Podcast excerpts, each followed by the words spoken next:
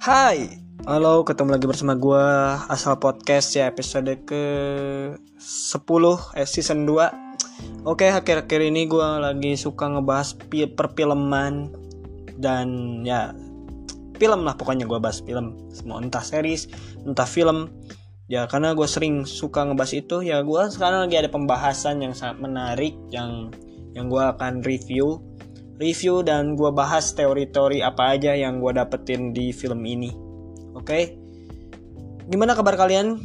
Semoga kalian baik-baik aja dan ya, gue kembali lagi ke podcast ini dan udah lama sekali terakhir gue ke podcast ya itu sebenarnya itu podcast yang lama dan gue up lagi gue bahas apa ya cosplayer cosplayer lagi. Tapi sekarang gue akan ngebahas sebuah series yang kemarin gue mohon maaf telat gitu. Di bulan November ini.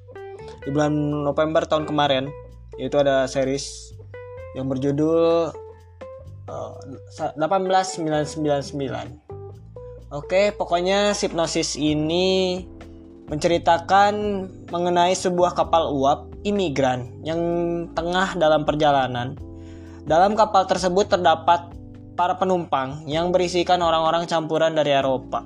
Ya, jadi hipnosisnya tuh seperti itu.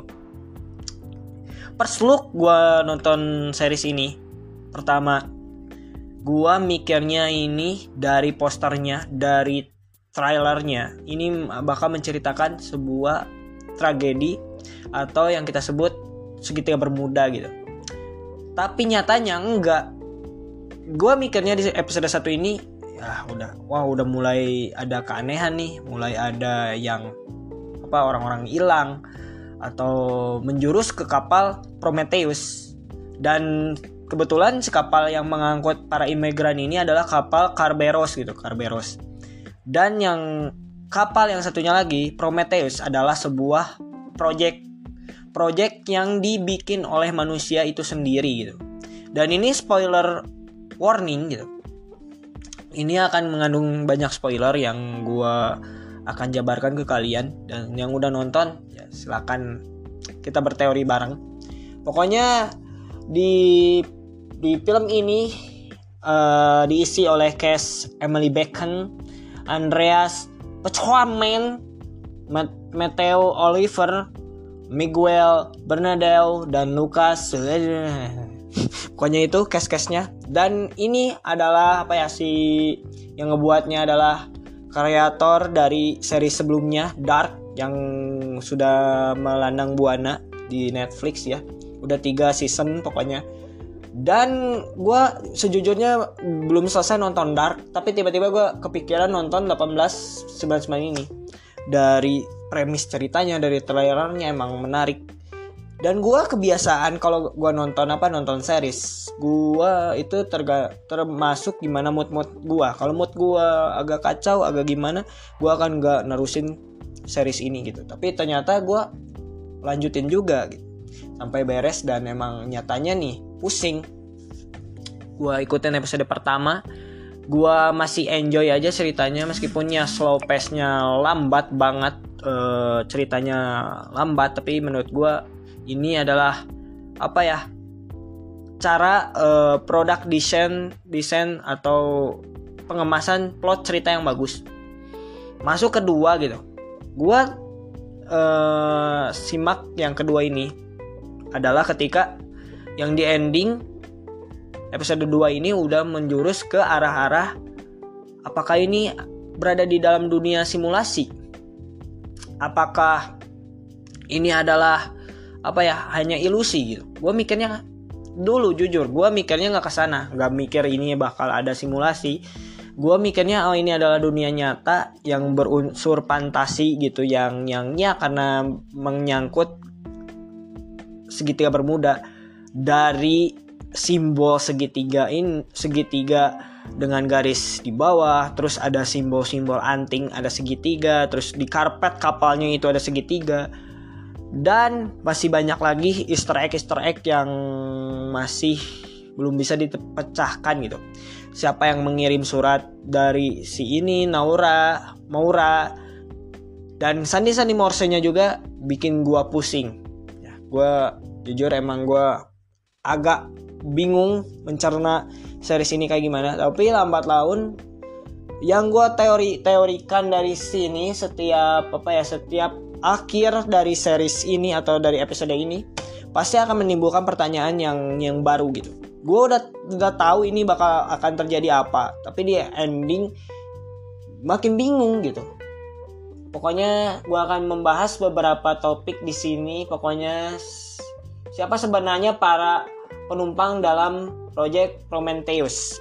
Gue jawab satu persatu yang gue bisa dari pertanyaan yang tadi disebutkan.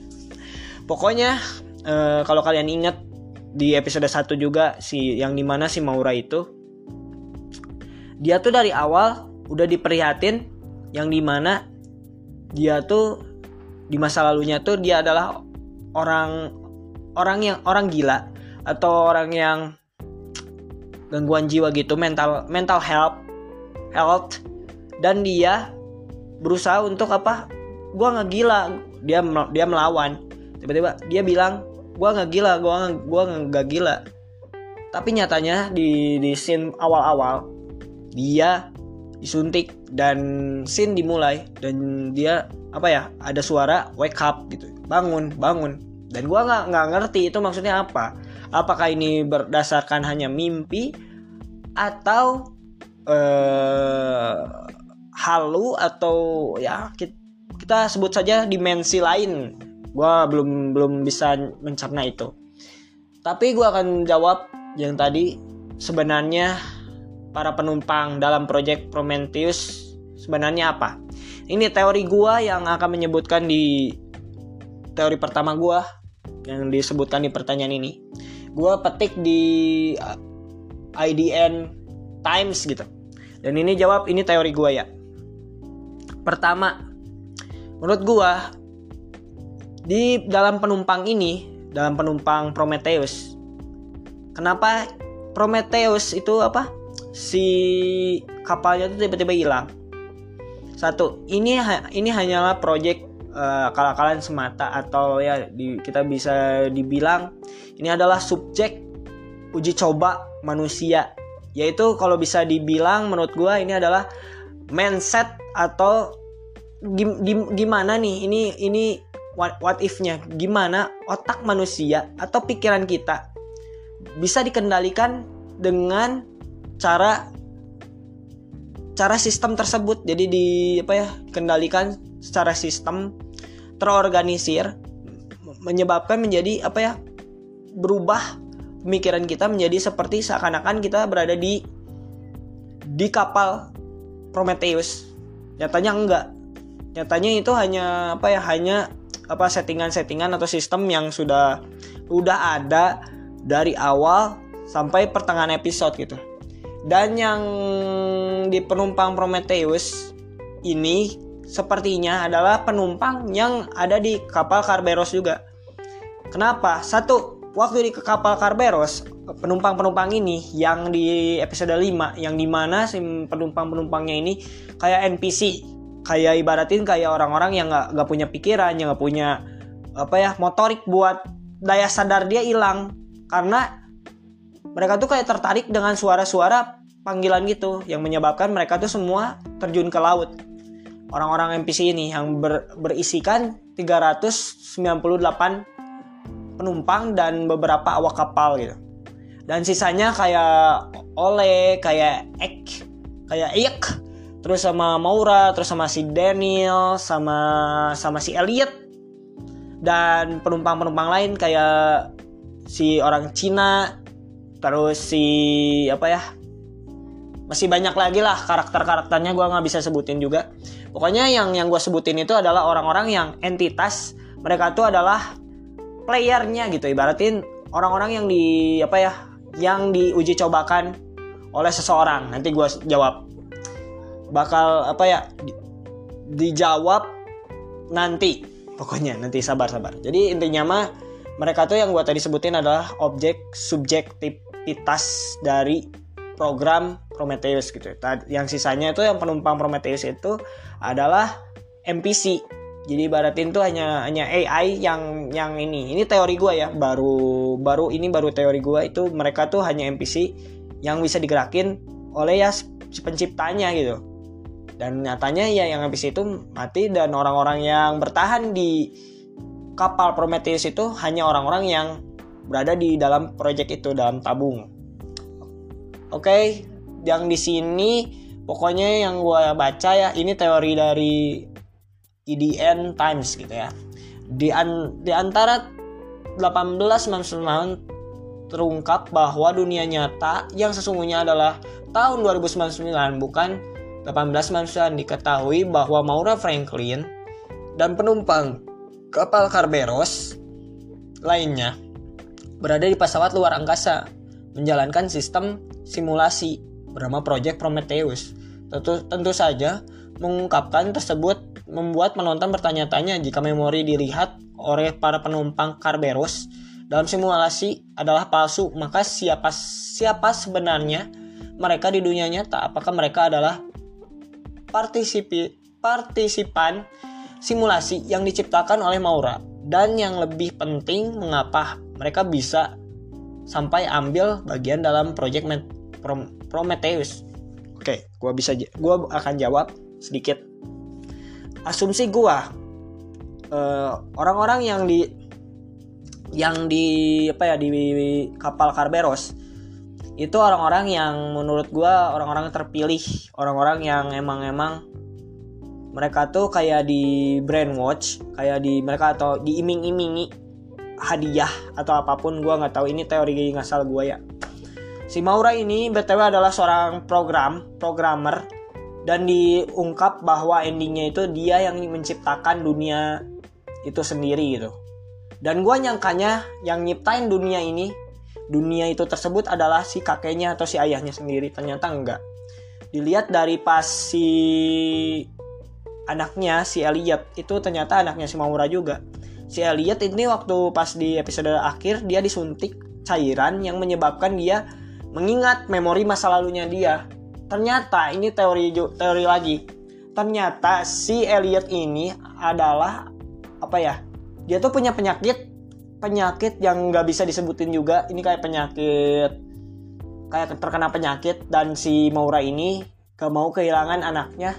Dan dia mau nggak mau dia harus menciptakan dunia yang di mana dia bisa bahagia bersama anaknya dan si suaminya ini si Daniel ini. Makanya si Elliot ini men, e, disuntikan cairan itu. Dan ya kelihatan bahwa yang pelakunya adalah si Maura dan terbukti juga si Maura juga bangun setelah uh, kuncinya itu dibuka gitu. Ya itulah yang yang gua apa ya yang gua dapat dan ini ya yang biar biar kalian jelas dalam versi yang di mana dari awal mimpi mimpinya apa ya si Maura sampai yang mimpi terakhir pokoknya mereka tuh saling berhubungan meskipun gak terlalu banyak gitu. Pertama dari setiap mimpi-mimpi mereka itu ber, berawal dari mereka tuh kayak ibaratin kayak di dalam kurungan atau dalam cage dalam ya dalam penjara gitu. Kenapa? Si Maura awal dia waktu di rumah sakit eh, dia disuntik itu dia kayak di penjara gitu. Dia nggak bisa keluar ke mana-mana. Kedua waktu pas eh, sama juga waktu waktu adalah satu tokoh dia juga sama. Dia juga ter, terpenjara juga sama. Dan si orang Cina juga sama. Dan semua orang-orang yang gue sebutin itu sama semua. Mimpi-mimpinya tuh dia tuh terpenjara gitu. Contoh kayak Tove gitu. Tove adalah orang yang apa yang dia tuh penumpang yang hamil hamil gitu. Dan dia diliatin masa lalunya dia. Dia tuh dihamili oleh seseorang dan akibat si akibat si Krestarnya sendiri gitu akibat Krestarnya sendiri dan akibatnya juga ke adiknya kena gitu. Seperti itu. Terus masa lalunya si Jerome. Jerome juga ditampilkan dia tuh mantan narapidana atau mantan buron yang dia tuh melakukan kesalahan kayak kayak penjahat gitu kayak ngelakuin salah. Terus dia di penjara juga. Dan gue kait-kaitkan berarti selama gue tonton series ini ini berarti tentang orang-orang yang ingin keluar dari dunia itu. Ya gitu sih. Tapi gue nggak kepikiran ke sana. Gue saking enjoynya nonton series ini sampai gue lupa. Ini udah ini udah udah tahu ini simulasi tapi gue masih tetap gak percaya. Karena ada pertanyaan-pertanyaan dari simbol itu dari siapa ba, eh, apa tujuan si ayahnya si Maura nggak apa gitu kan pokoknya banyak pertanyaan lah yang kedua ke mana perginya pesawat ruang angkasa yang membawa Maura dan para penumpang gitu ya Nah, ini ini masih ngebahas yang ending tadi, ending episode episode 8 akhir. Menurut gua ini ending ending di season 1 ini adalah ending yang menurut gua sempurna banget. Dia bisa apa ya? Dia menciptakan simulasi itu, tapi dia bisa keluar dari simulasi yang dia ciptakan tersebut. Melainkan malah menyebabkan masalah baru muncul ya kayak di gue berada di masalah yang lebih besar lagi ya, ya di planet. Dan gue nggak tahu itu planet pesawat itu bakal ke mana gitu. Dan gue belum bisa membeberkan teorinya gitu karena gue gak terlalu apa ya gak terlalu ngulik-ngulik juga. Tapi ini penting juga buat dibahas juga dan pokoknya ini banyak banyak pertanyaan-pertanyaan yang sangat-sangat bikin kita pusing juga. Bentar.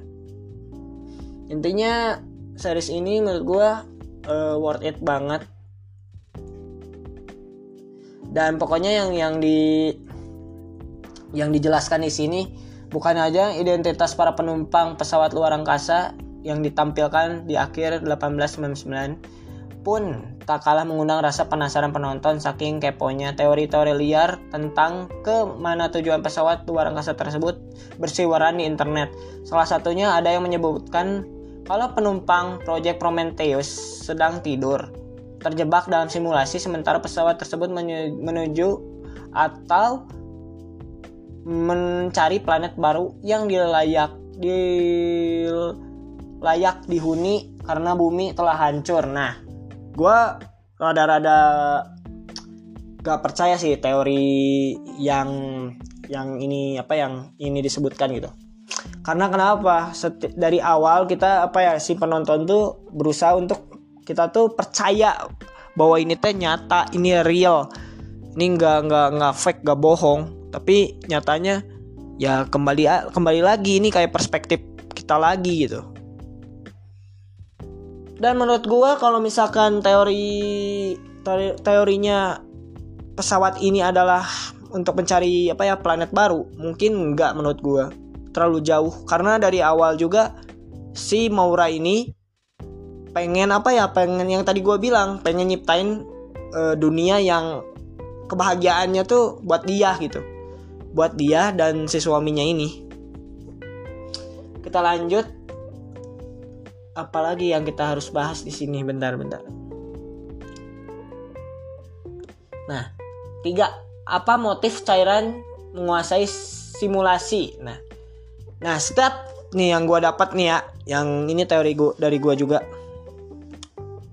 Gue mikirnya gini ya, setiap orang yang disuntik sama cairan simulasi ini, jadi si orang ini kayak ngeriset pikiran dia gitu, kayak ngeriset ulang eh, apa ya yang akan yang yang sudah terjadi. Jadi dia kayak lupa lagi. Dan gue juga mendapatkan info juga bahwa si Maura ini hanya pura-pura lupa aja gitu. Karena karena dia ingin gak mau mengingat-ingat masa lalu dia tentang anaknya dan si suaminya yang begitu kelam gitu ya. Ini menurut gue dan setiap makanya kenapa di setiap awal episode selalu ada kata wake up. Ya ya mungkin udah udah menjurus bahwa ini adalah simulasi. Tapi yang gua, gua masih bingung emang motif cairan yang menguasai simulasi ini terlalu ya membingungkan gitu. Meskipun itu udah dijelasin ya menurut gue itu kayak ngeriset lagi kayak awal lu bangun gitu. Kayak nge apa ya ping lu ping lu kayak misalkan udah dalam perjalanan ini kembali lagi seperti kayak di beberapa uh, scene yang di mana si pes si kapal laut Prometheus ini atau si yang Kerberos lah. Ini kapalnya tuh selama 8 hari gak ke mana-mana maksudnya stuck di di laut itu aja gitu. Meskipun bahan bakarnya udah diisi bagai banyak awak kapal gitu tapi masih aja tetap tetap stuck gitu. Si apa ya si kapalnya nggak gerak-gerak. Nah ini menurut IDN lagi ya. Meskipun tak terlihat wujudnya cairan memegang peranan penting dalam 1899 diceritakan ia adalah kakak Maura yang memperingati sang adik melalui sebuah surat akan konspirasi yang dilakukan oleh ayahnya. Mereka Henry Singleton. Oke, namun pada akhirnya mem memegang kendali setelah Maura masuk dalam kehilangan ingatan dalam simulasi motif cairan untuk menguasai simulasi ciptaan Maura tersebut memang tak jelas. Tidak dijelaskan dengan gamblang, namun mereka kebiasaan dan buron obak dan doyan melempar ke kejutan kepada penonton bukan tak mungkin kalau karakter ini bakalan berpengaruh besar dalam musim keduanya nanti. Oke. Dan cairan ini yang tadi gua sebutin gak terlalu jelas juga sih. Ini ini menurut gua aja kayak ngeriset aja. Terus terutama gini.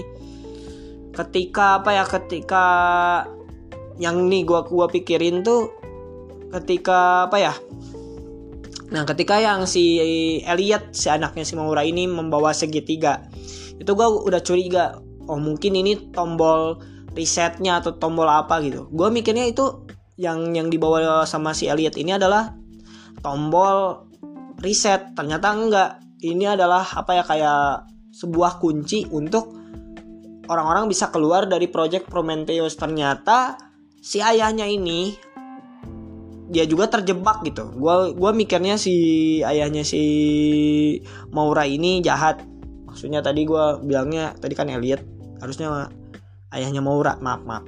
Pokoknya gue mikirnya si ayahnya si Maura ini jahat dan dia gue mau gue mau menebak-menebak ini apa tujuan dia bikin project Prometheus. Ternyata yang di yang di gua pikirkan itu salah. Ternyata yang yang pelaku utamanya adalah anaknya sendiri yang dia nyiptain program itu. Dan ya pas ketika bu si apa ya si segitiganya dibuka atau di di kuncinya dibawa oleh si ayahnya si Maura. Nah gak terjadi apa-apa karena kenapa? Daniel selaku si itu si suaminya si Maura dia udah berus udah apa yang ngubah kode atau yang ngubah sistem atau kayak terpaksa untuk mengubah sistemnya kembali gitu ya wajar karena dia dia sama si Maura sama si itu sama si Daniel adalah suami istri yang memegang kendali penuh dari project Prometheus. Woi. Nah, maaf maaf. Maaf terganggu. Pokoknya itulah ternyata yang menciptakan project ini adalah si Mauranya gitu ya. Ya cukup membuat gue bingung dan gue udah ber banyak berdiskusi juga. Gue nggak sampai gak sam mikir ke sana gitu, gak sampai mikir ke sana. Ini bakal terjadi, tapi emang si director si series ini emang gila gitu, masterpiece gitu. Sampai gue bertanya-tanya ya Oke, yang keempat, Elliot masih hidup atau sudah meninggal. Nah, ini teori yang menarik nih, yang keempat. Se kalau kalian sadar bahwa beberapa scene ada yang mem memperlihatkan kayak si Maura tuh melihat makam makam yang bertulisan wake up. Ini berteori juga bahwa si Elliot ini udah meninggal. Makanya udah makanya pas dia meninggal si Maura ini menciptakan dunia Prometheus supaya si Elliot tuh hidup kembali.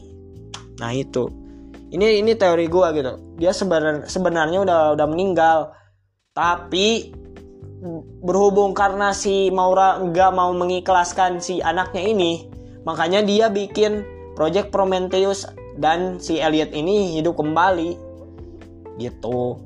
Dan pokoknya di IDN ini selain Daniel.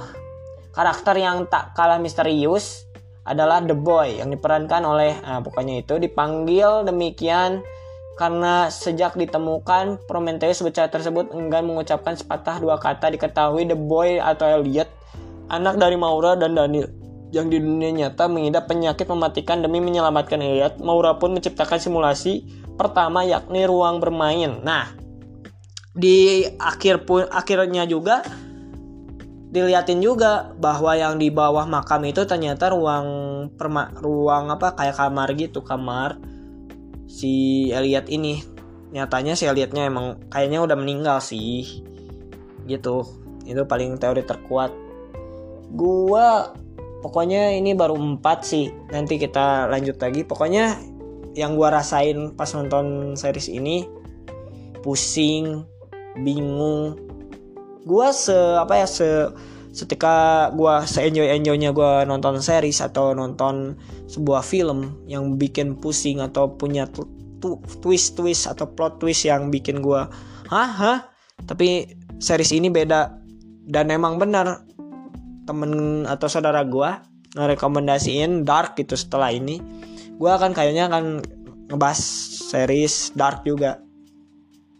Dan ya yang gue rasain pengalaman gue seru misterinya seru uh, apa chemistry-nya dapat. Ya meskipun si tentang masa lalunya tuh nggak terlalu dieksplor banget. Jadi yang yang berhubungan di cerita ini dalam sebuah mimpinya tuh si Elliot si Maura sama si Daniel. Sisanya tuh berhubungan tapi nggak terlalu apa ya nggak terlalu signifikan banget.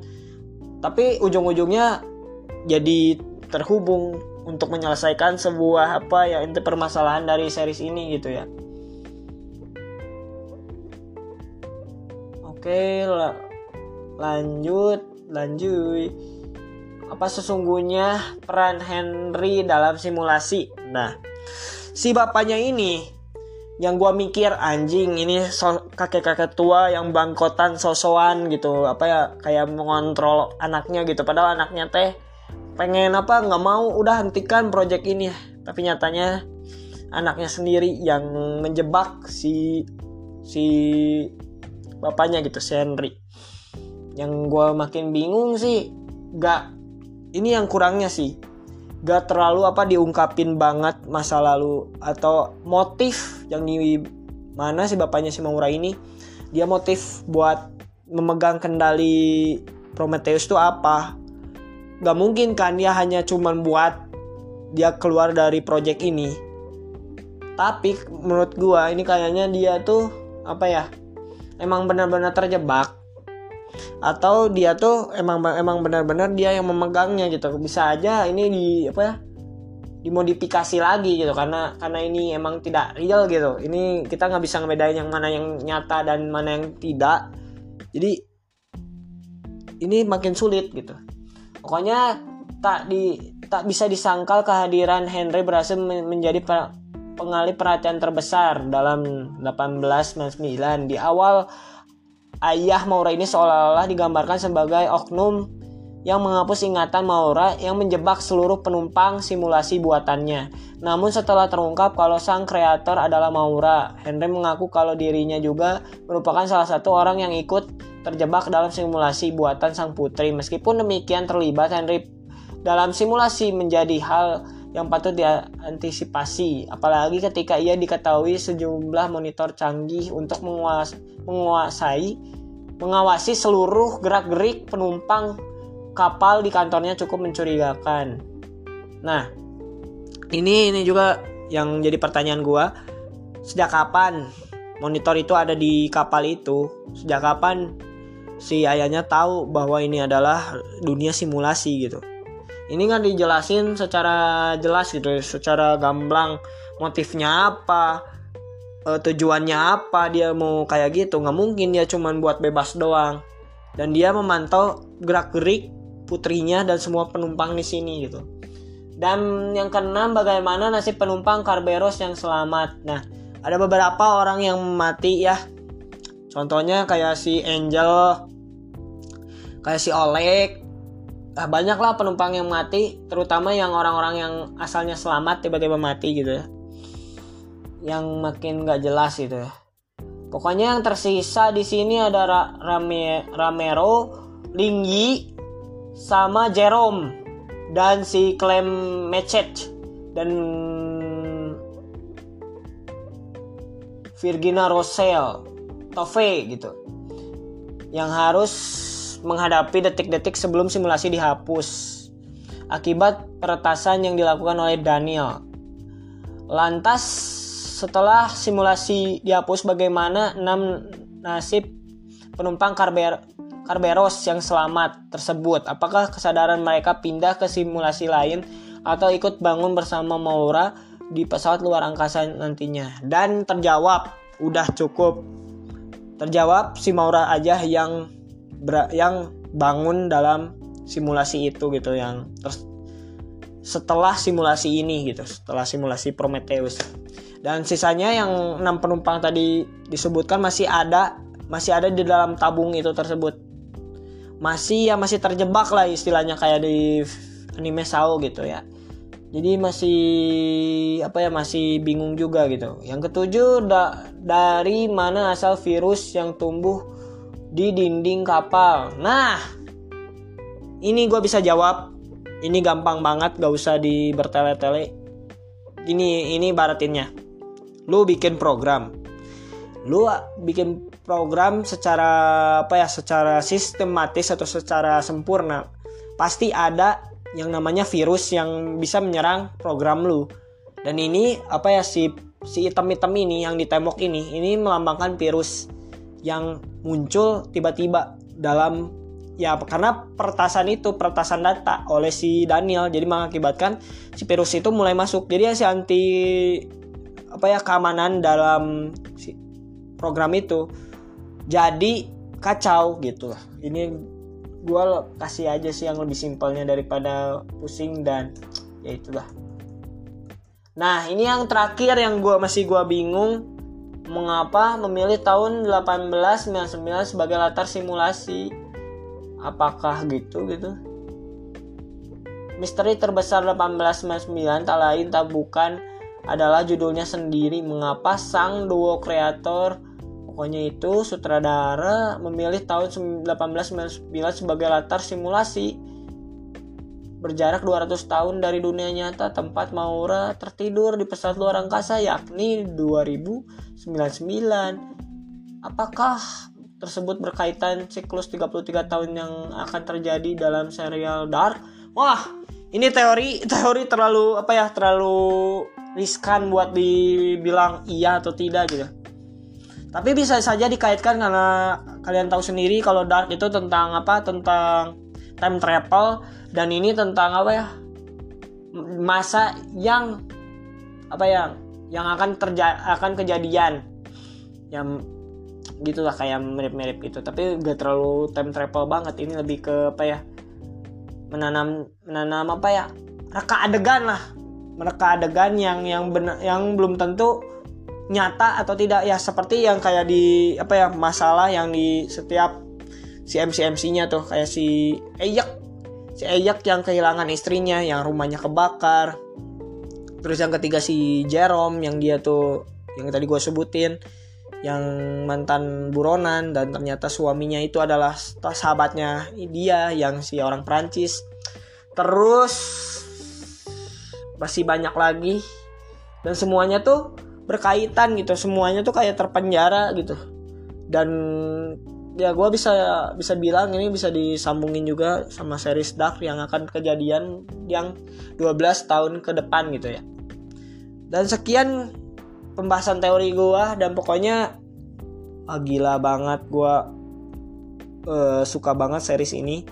Nanti gue apa ya pokoknya dari apa ya dari director dari story dari apa scoring dari visual effect dari actor. Wah semuanya perfect menurut gue dan gue yakin ini bakal ada season 2 nya yang apa yang akan berpotensi lebih lebih apa lebih luas lagi lebih lebih seru lagi dibanding yang pertama. Dan gue jujur ini adalah series terfavorit gue setelah Alice in the Borderland. Dan gila sih ini ini bakal jadi apa ya series favorit gue sepanjang masa. Ya sepanjang masa gue yang yang gue gak tahu ya kalau gue udah nonton Dark apakah gue akan suka Dark? Dan pokoknya intinya kalau lu suka film ini atau series ini pasti lu bakal suka Dark. Soalnya ini penulisnya tipe-tipenya hampir sama gitu.